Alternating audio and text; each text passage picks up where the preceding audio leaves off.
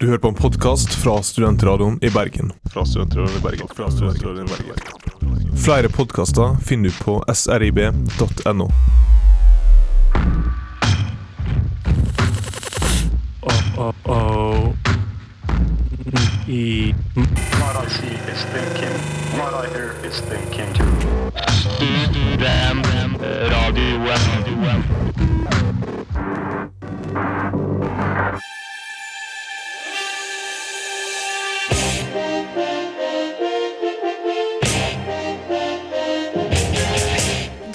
Hadia Tajik. Du hører på Skumma kultur på studentradioen i Bergen.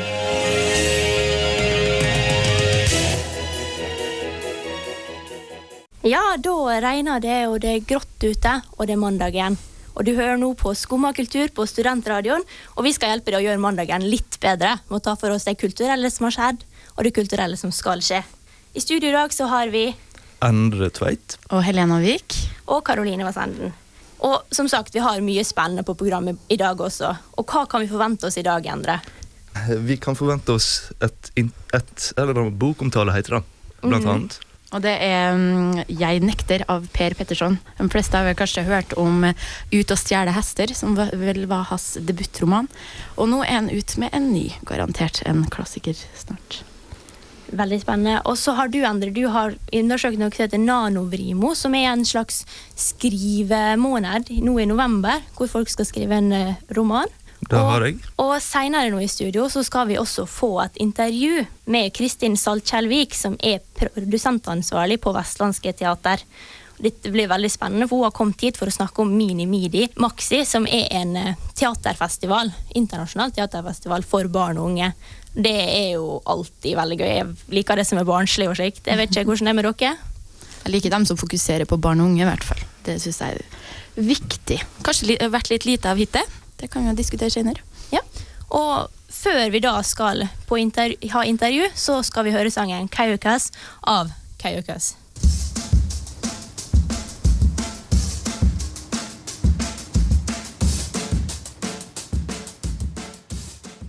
Der hørte du Kajukas med Kajukas. Og nå skal vi ha et eh, lite intervju med det, Kristin Saltkjellvik, som også kaller deg selv kunstnerisk eh, konsulent på Vestlandske Teater. Ja, kalle meg. eh, Det er den tittelen jeg har fått. Og det er sikkert fordi at det skal dekke så masse områder. Ja, For, mm, Og du er også produsentansvarlig. det er jeg. Mini Midi Maxi, hva det er for noe? Mini Midi Maxi det er en internasjonal teaterfestival for barn og unge. Som vi etablerte for eh, åtte år siden her i Bergen. Hvor vi bruker Bergensscenen. I år så har vi Griggan og Den nasjonale scene vi er på. Og vi har invitert elleve forskjellige teatergrupper fra hele Europa. Italia, Spania og Polen og Tyskland og Frankrike og et par fra Norge også, da. Eh, Så kommer hit de dagene her det skal pågå. Nå starter festivalen i morgen, og den eh, varer ut fredag. Så på de dagene her så skal vi ha utrolig mange forestillinger eh, for barn og unge. Eh, og eh, vi håper jo at, eh, at folk kommer og, eh, på de, da. Her har vi samla noen av Europas beste forestillinger. Eh, de er viden kjent. Sånn at vi håper jo at det publikummet i Bergen nå har begynt å fått opp øynene for det vi driver på med, og det vi på en måte serverer her i Bergen sentrum de dagene her.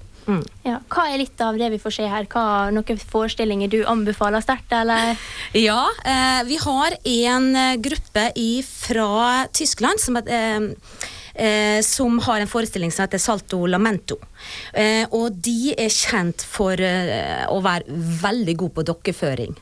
Eh, vi får se, jeg tror det er inni marerittene vi skal. Så det kommer opp en beskjed fra en skuff her, og, som, eh, og så kommer det en del sånn skapninger eh, ut av et slags sånt mareritt. da. De, er, de har sånn groteske dukker. og når du får noen til å virkelig få de her levende, sånn som de her klarer, så er det helt magisk. Så den anbefaler jeg. Og så har vi en spansk gruppe. Eh, Der har de en forestilling som heter Hotel Crab. Og de bruker en teknikk som eh, heter humanette. Og det er en stil hvor karakterene er halvt menneske og halvt dukke. Sånn at vi prøver å, å kjøpe inn forestillinger som er veldig spesielle, sånn som vi ikke ser her i Bergen ellers. Så det går mye på teknikker og, eh, og litt andre måter å gjøre det på. Vi har også en fra Italia, der de rett og slett befinner seg i en tegneserie plutselig. Så hele scenografien eh, er, blir tegna der og da, og alt ifra barter og eh, Det er helt ubeskrivelig. Sånne ting som du eh, som ikke har sett før, da. Veldig levende og veldig visuelt for barn. Det er veldig spennende og veldig bra. Men jeg lurer litt på hvordan er det dere har kommet i kontakt med disse forskjellige landene? Hvordan har dere funnet fram til disse samarbeidspartnerne her? Ja, nå er det sånn at etter åtte år så er vi faktisk ganske kjent der ute i verden. Og eh, grupper fra hele verden kontakter oss eh, fordi at de har lyst til å komme hit med sin forestilling. Så etter hvert så, så har det blitt sånn at eh, jeg tror det er åtte 50 eh, søkere som allerede er til neste år, da, som vi går igjennom og, og som vi plukker ut. Men vi reiser jo også mye på festivaler. Ehm, vi har vært eh, hver gang Danish Plus. Det er en sånn showcase i Danmark der alle de beste danske forestillingene blir, um, blir samla. Eh, og det er annethvert år. Og Da drar vi ned dit, og så ser de forestillingene som er i Danmark. Og kjøper da eventuelt de vi, vi syns er gode. Så vi, vi prøver å komme oss litt ut. Vi skal på Switch Stage. Uh, Switch Stage. Uh, Det er en showcase etablert i Stockholm eh, nå for første gang. Så skal vi der og se hva Sverige har å by på. Så, så vi er ute og handler litt. Uh, Men eh, ofte så er det jo noen som også um, forteller oss hvem vi bør. Altså, så, hvis det er noen som vet om noen som er skikkelig spesielle, så får vi et navn på de, og så undersøker vi litt sjøl. Men det er jo gøy å, å føle at vi på en måte er blitt så kjent i Europa eh, at de henvender seg til oss nå.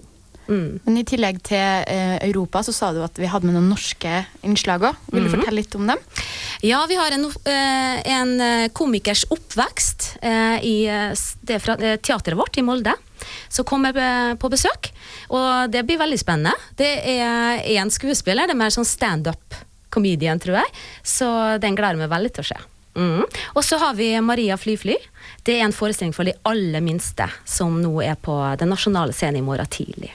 Ja, hvordan du håper at uh, dette her skal utvikle seg videre gjennom åra? Ja, i år så har eh, også Vestlandske Teatersenter starta en sånn eh, showcase, altså en salgsmesse, der vi tilbyr norske forestillinger for et utenlandsk um, publikum.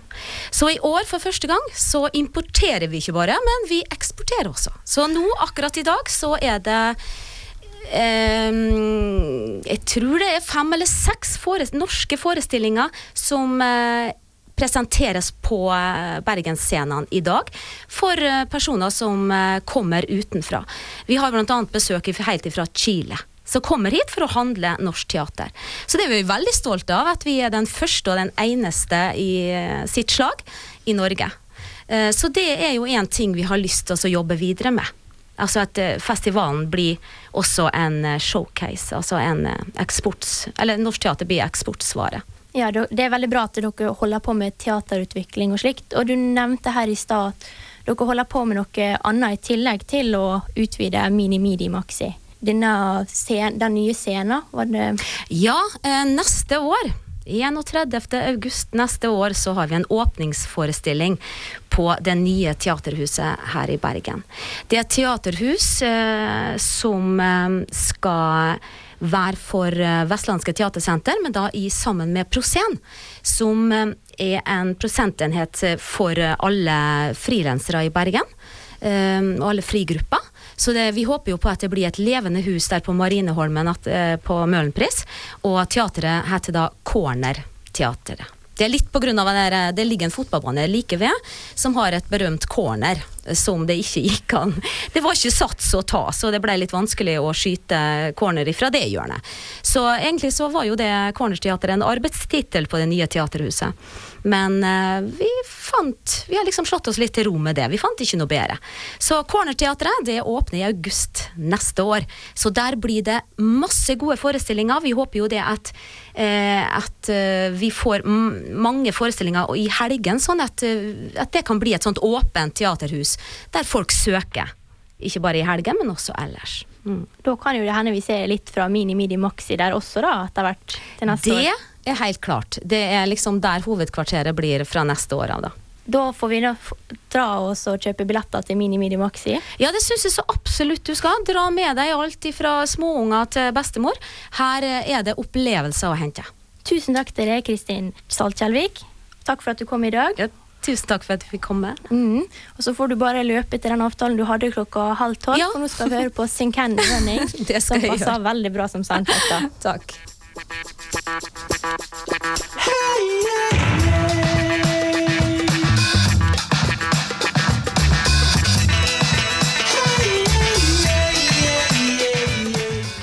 hørte du Sing Kane med Runnin'.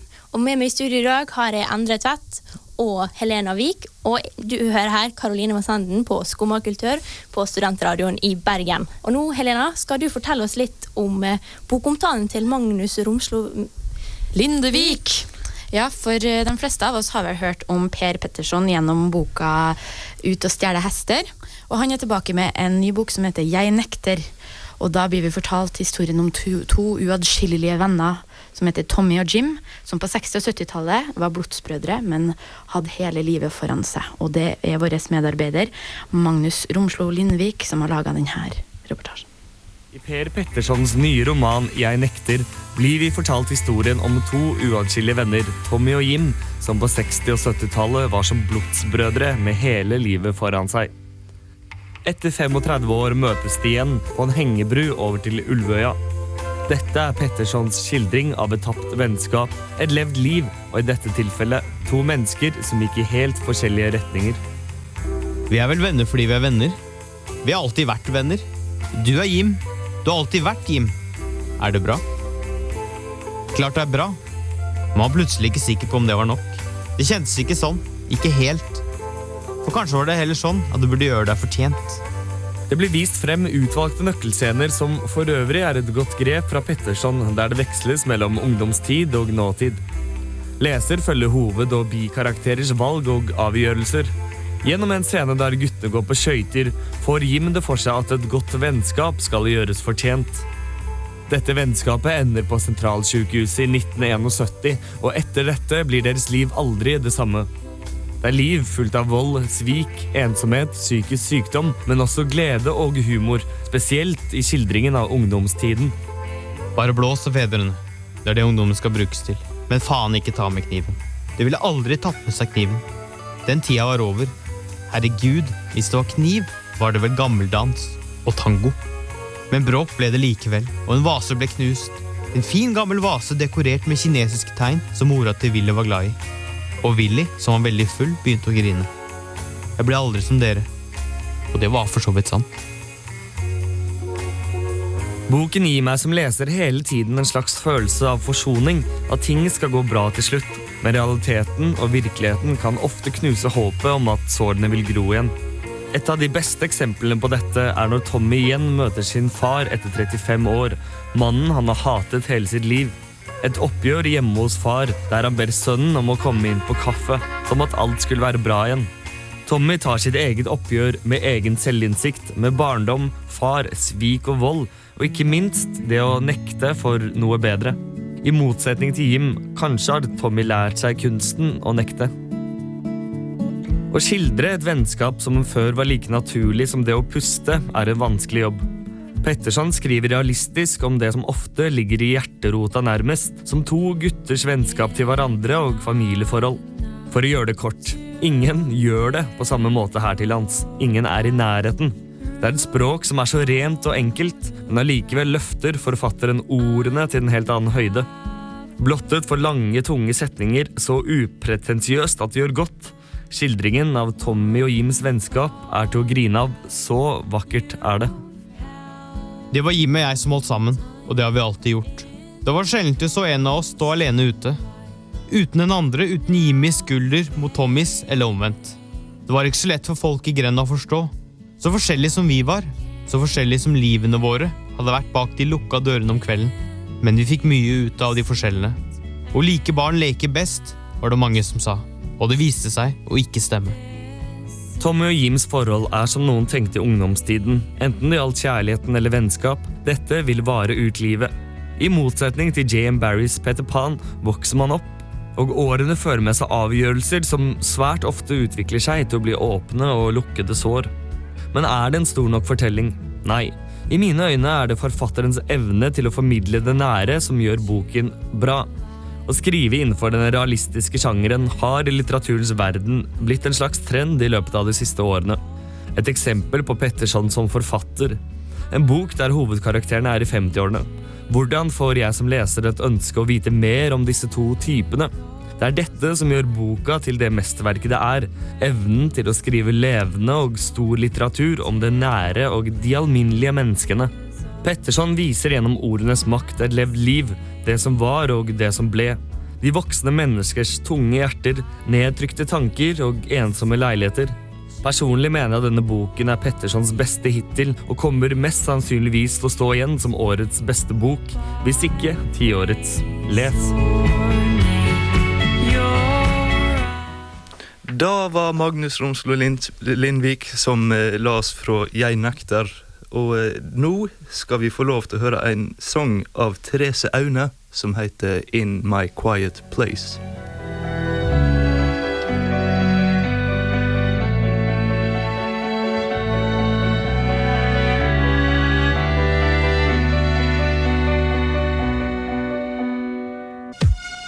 Brett ut og bøy helt tilbake. Skumma kultur på mandager fra 11 til 12.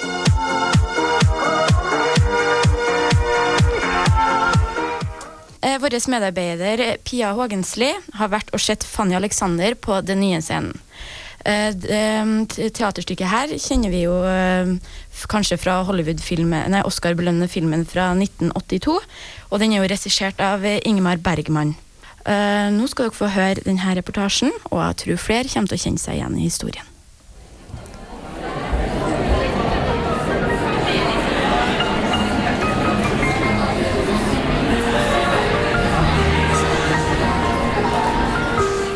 september hadde forestillingen Fanny og Alexander premiere på Den nasjonale scene i Bergen. Historien om søskenparet Fanny og Alexander finner sted på tidlig 1900-tallet. Herskapsfamilien Ekdal bor i Sverige, og familien styres av enken Helene og hennes tre sønner Oskar, Gustav Adolf og Carl. Oskar er gift med Emilie, og sammen har de to barn, Fanny og Alexander. Men en dag dør faren deres etter et illebefinnende, og moren Emilie gifter seg deretter med biskopen Edvard Vergerus. Du husker at du og jeg vi hadde en ganske viktig samtale for omtrent et år siden. Det gjaldt visse moralspørsmål. Samtale var vel ikke Hva mener du? Biskopen snakket, og Alexander tidde. Tidde av skam, kanskje, for sine løgner? Jeg er blitt klokere siden da. Du mener bedre til å lyve? Noe sånt, ja. Alexander Men deres nye stefar er slettes ikke noen god mann. Etter at hans to barn og kone druknet i elven noen år tidligere, styrer nå Edvard sine nye barn og kone med jernhånd. De må leve etter klare regler, og enhver overstridelse blir straffet. Moren hans låser dem inne og tvinger dem til å legge seg midt på dagen. I forrige uke ville ikke Fanny spise opp grøten sin. Hun måtte sitte hele kvelden. Hun kastet opp i tallerkenen, men til slutt spiste hun. Den som kommer til deres unnsetning, er bestemor Helena sin kjæreste, den jødiske kjøpmannen Isak, som vil få Emilie, Fanny og Alexander fri fra fangenskapet ved bruk av svart magi. Biskopen tror kanskje jeg bærer ut noe som ikke tilkommer meg. Nei, nei, for all del. Den vil bare tilbake kjøpekontrakten med min underskrift. Regissør Vibeke Bjelke sin oppsetning av Fanny og Alexander er en smart versjon av suksesshistorien.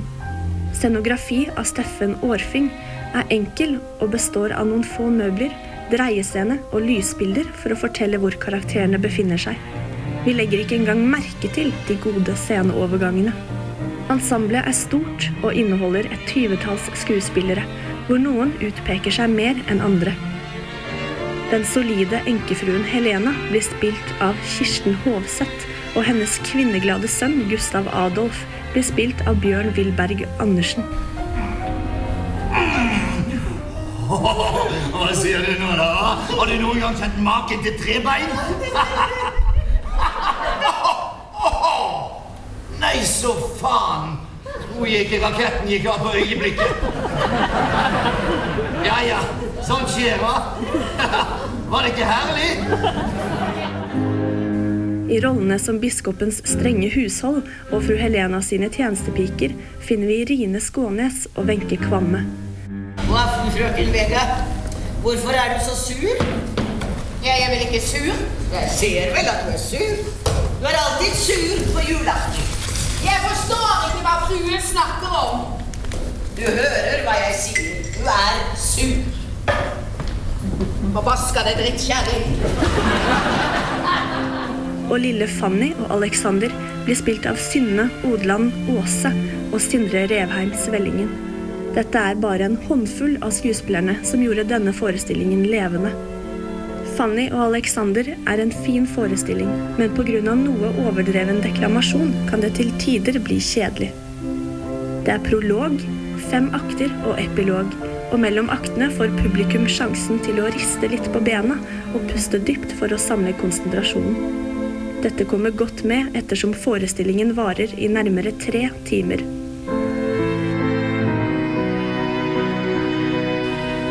Kom deg til Den nasjonale scene og se Fanny og Alexander, for det er en spennende historie om to barn som får livet sitt snudd på hodet. Men med en god porsjon familiekjærlighet ordner faktisk alt seg til slutt. Alt kan skje. Alt er mulig og sannsynlig. Tid og rom eksisterer ikke. Mot en bakgrunn av ubetydelig virkelighet spinner fantasien ut og vever nye mønstre.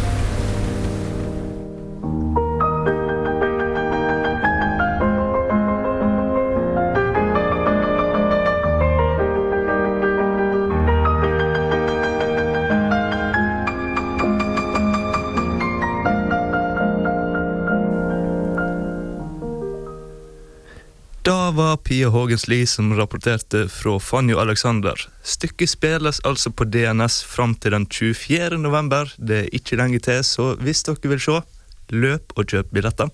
Og nå skal vi få høre Florence and the Machine som spiller sin unplugged versjon av Only If For A Night.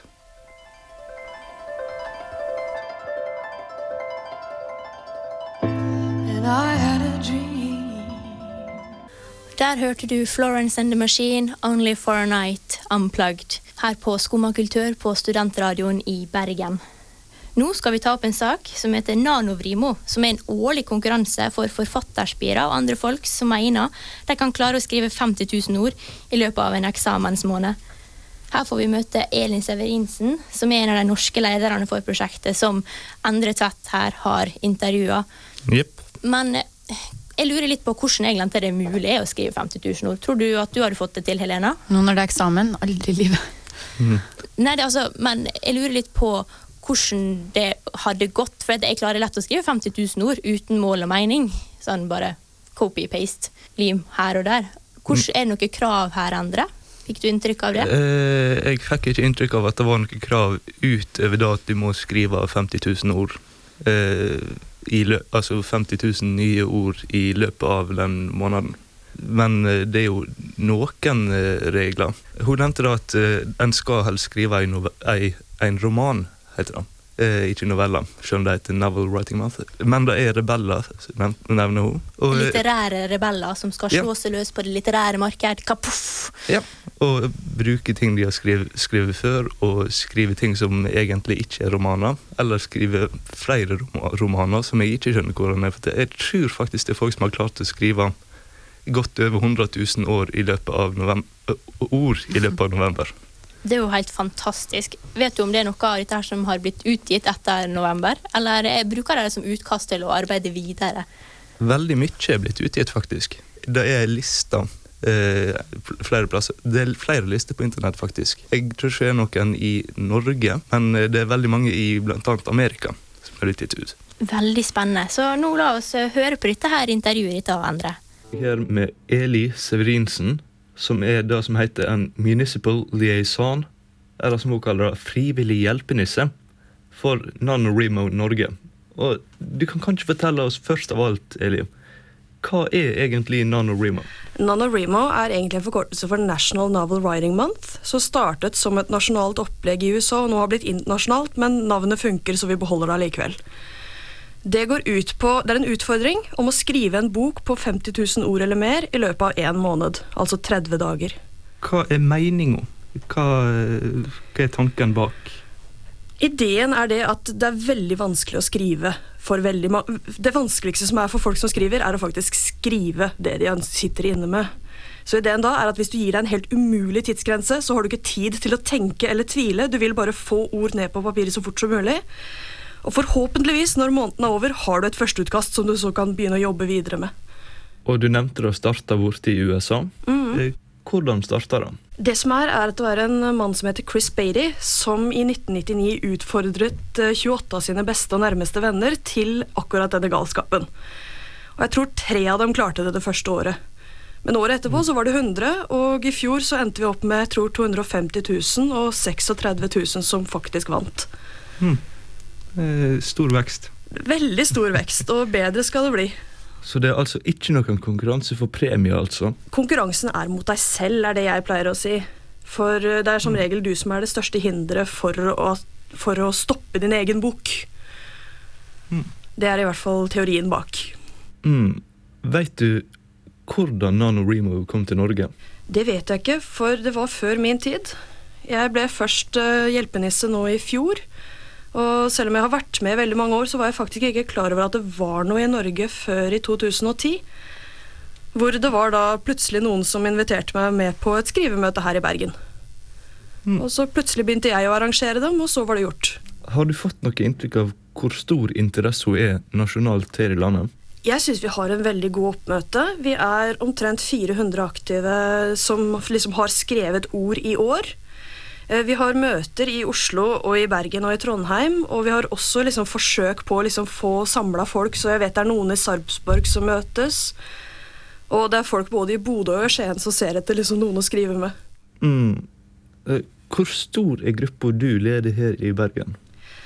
Det varierer veldig fra gang til gang, men vi er liksom rundt regna ti stykker nå, som er liksom en god vekst fra i fjor også. Så møtes vi da hver tirsdag i kjelleren på Outland. Og hvordan fikk du interesse for eh, Hvordan fikk du interesse for å skrive? Eh, og eh, er det kanskje fordi du har lyst til å gi ut ei bok? Ja, nei, For meg så er faktisk interessen størst for øyeblikket for å skrive den, og ikke så mye på å gi den ut. Men jeg har lest bøker så lenge jeg kan huske. Og når jeg var sånn 14-15, så begynte jeg å skrive dem. Og i 2004 så fant jeg ut om denne Nano Vrimo-greia i oktober, og blei med og klarte for første gang å skrive med liksom, ord som faktisk hang sammen fra, som en historie. Så det var et gjennombrudd for meg når det kom til skrivinga. Mm. Og nå holder du helt sikkert på med din egen bok for NaNoWriMo i år. Eh, hvordan går det med den? Jeg har nådd 16 000 ord, og jeg hater hvert bidige ett av det. Og det er en veldig del av det å skrive, det er også at du ender til slutt opp med at dette her er horribelt, dette her må jeg bare kaste bort. Og hele poenget da er å pløye videre, og så når du 1. desember og ser tilbake på det og går Hei, jeg kan kanskje bruke halvparten av dette. Og det er i så fall en seier. Mm. Eh, altså, nå heter det jo National Novel Writing Month. Det er gått vekk fra National. Ja. Eh, er det gått vekk fra Novel òg? Eh, vi har dette som vi kaller for rebels, eller rebeller. Så hvis du ikke vil skrive skjønnlitterært, eller hvis du vil fortsette på noe du har skrevet før, eller hvis du vil skrive en rekke romaner istedenfor én, så er det også absolutt tillatt. Sånn som sagt, Hovedpoenget med dette her er at du utfordrer deg selv. Så hvis du bryter reglene, så får du egentlig bare lov til å gjøre det. Regler er mer more like guidelines. Eh, hvor lenge tenker du å være med på NaNoWriMo? Til jeg går lei, er det korte svaret. Det har jeg holdt på i åtte år, jeg har ikke gått lei enda, så jeg regner med det blir noen år til. Ja, eh, da kan vi egentlig si oss snart ferdig med intervjuet, men du kan kanskje si, si oss til slutt hvordan kan en melde seg på eller bli med i NaNoWriMo? Den veldig enkle måten er å bare søke på det på Google. Men eh, www.nanovrimo.org er det bare å registrere seg, sett din region til Norge, og vi er der og står deg, tar deg imot med åpne hender. Og jeg kan love deg en ting, du er ikke den som har skrevet færrest ord i november. Da sier vi mange takk til deg, Elise Vedinsen, Jo, selv takk. for at du kunne være med oss. Og hvis dere som hører på har lyst til å være med på dette her neste år, eller til og med i år, det er altså i november det skjer, så kan dere altså gå inn på nanoremo.org. Ja, Endre, det der var Nano Remo. Ville du anbefalt andre folk å henge seg på det? For eksempel jeg som ikke er sånn kjempeskriveglad, egentlig. Eh, ja. Fordi? Eh, fordi det er kjekt å skrive. Men tror du at man kan få til noe produktivt av å presse seg sjøl til å skrive sånn mye, mye ord? Ja, Hun nevnte jo da at du presser ting på papir, og så finner du ut at du kan bruke noe av det. Så verdt å prøve. Jo, selvfølgelig. Men har man tid? Det er det jeg tenker på. Jeg får sånn, nesten sånn klamme hender bare av å tenke på oss i tillegg. Som hun sa, det er jo eksamensperiode. Ja, men sånn som pappaen min bruker å si det, alt du vil, har du tida til. Så hvis du setter ned da 10-15 minutter hver kveld og skriver hamra inn i dataen noen ord, så kommer du kanskje ikke opp i 50 000 ord, men du kommer opp i noen ord og har gjort litt kreativt arbeid. Så det kunne jo gått an. Men hva nettside det var vi gikk inn på igjen, Endre? Eh, nanovrimor.org, og det er altså vri med, med V, ikke dob Nei, med dobbelt V, ikke V. Jeg vet ikke om de her har bare skrabla ned noe på papiret, men vi skal høre Mumford Sons med Broken Crown.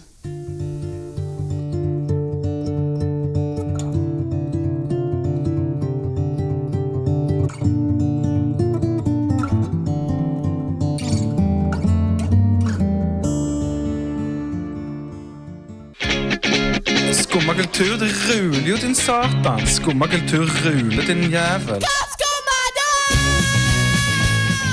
Som tidligere medlem av Skumma kultur vet jeg at de setter litteraturen i høysetet. Mannen som elsket skummakultur, Tore Rønberg.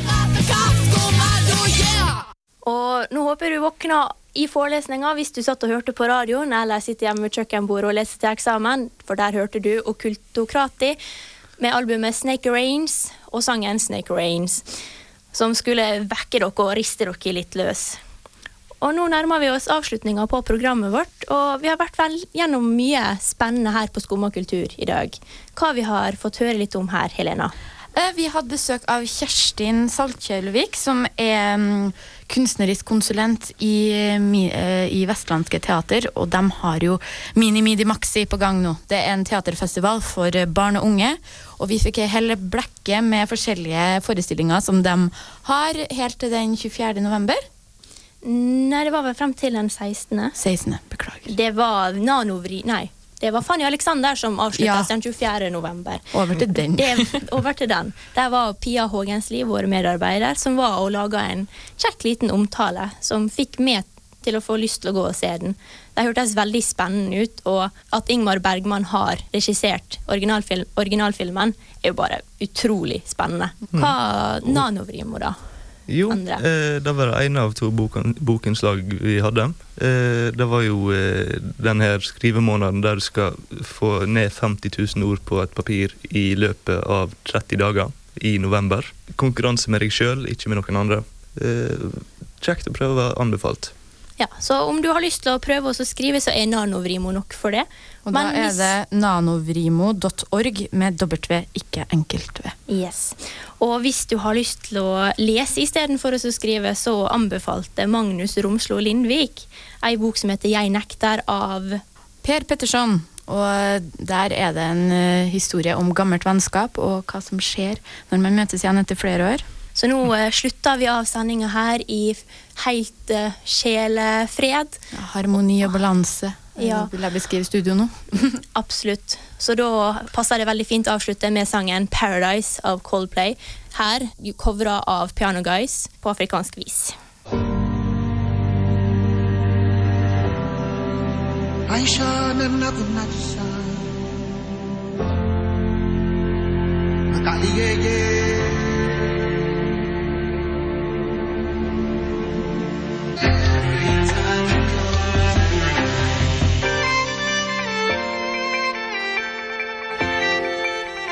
Og takk til Karina Tåken Tornes, som er produsent for oss. Og etter denne sangen her så kommer Alternativ med musikk fra verden.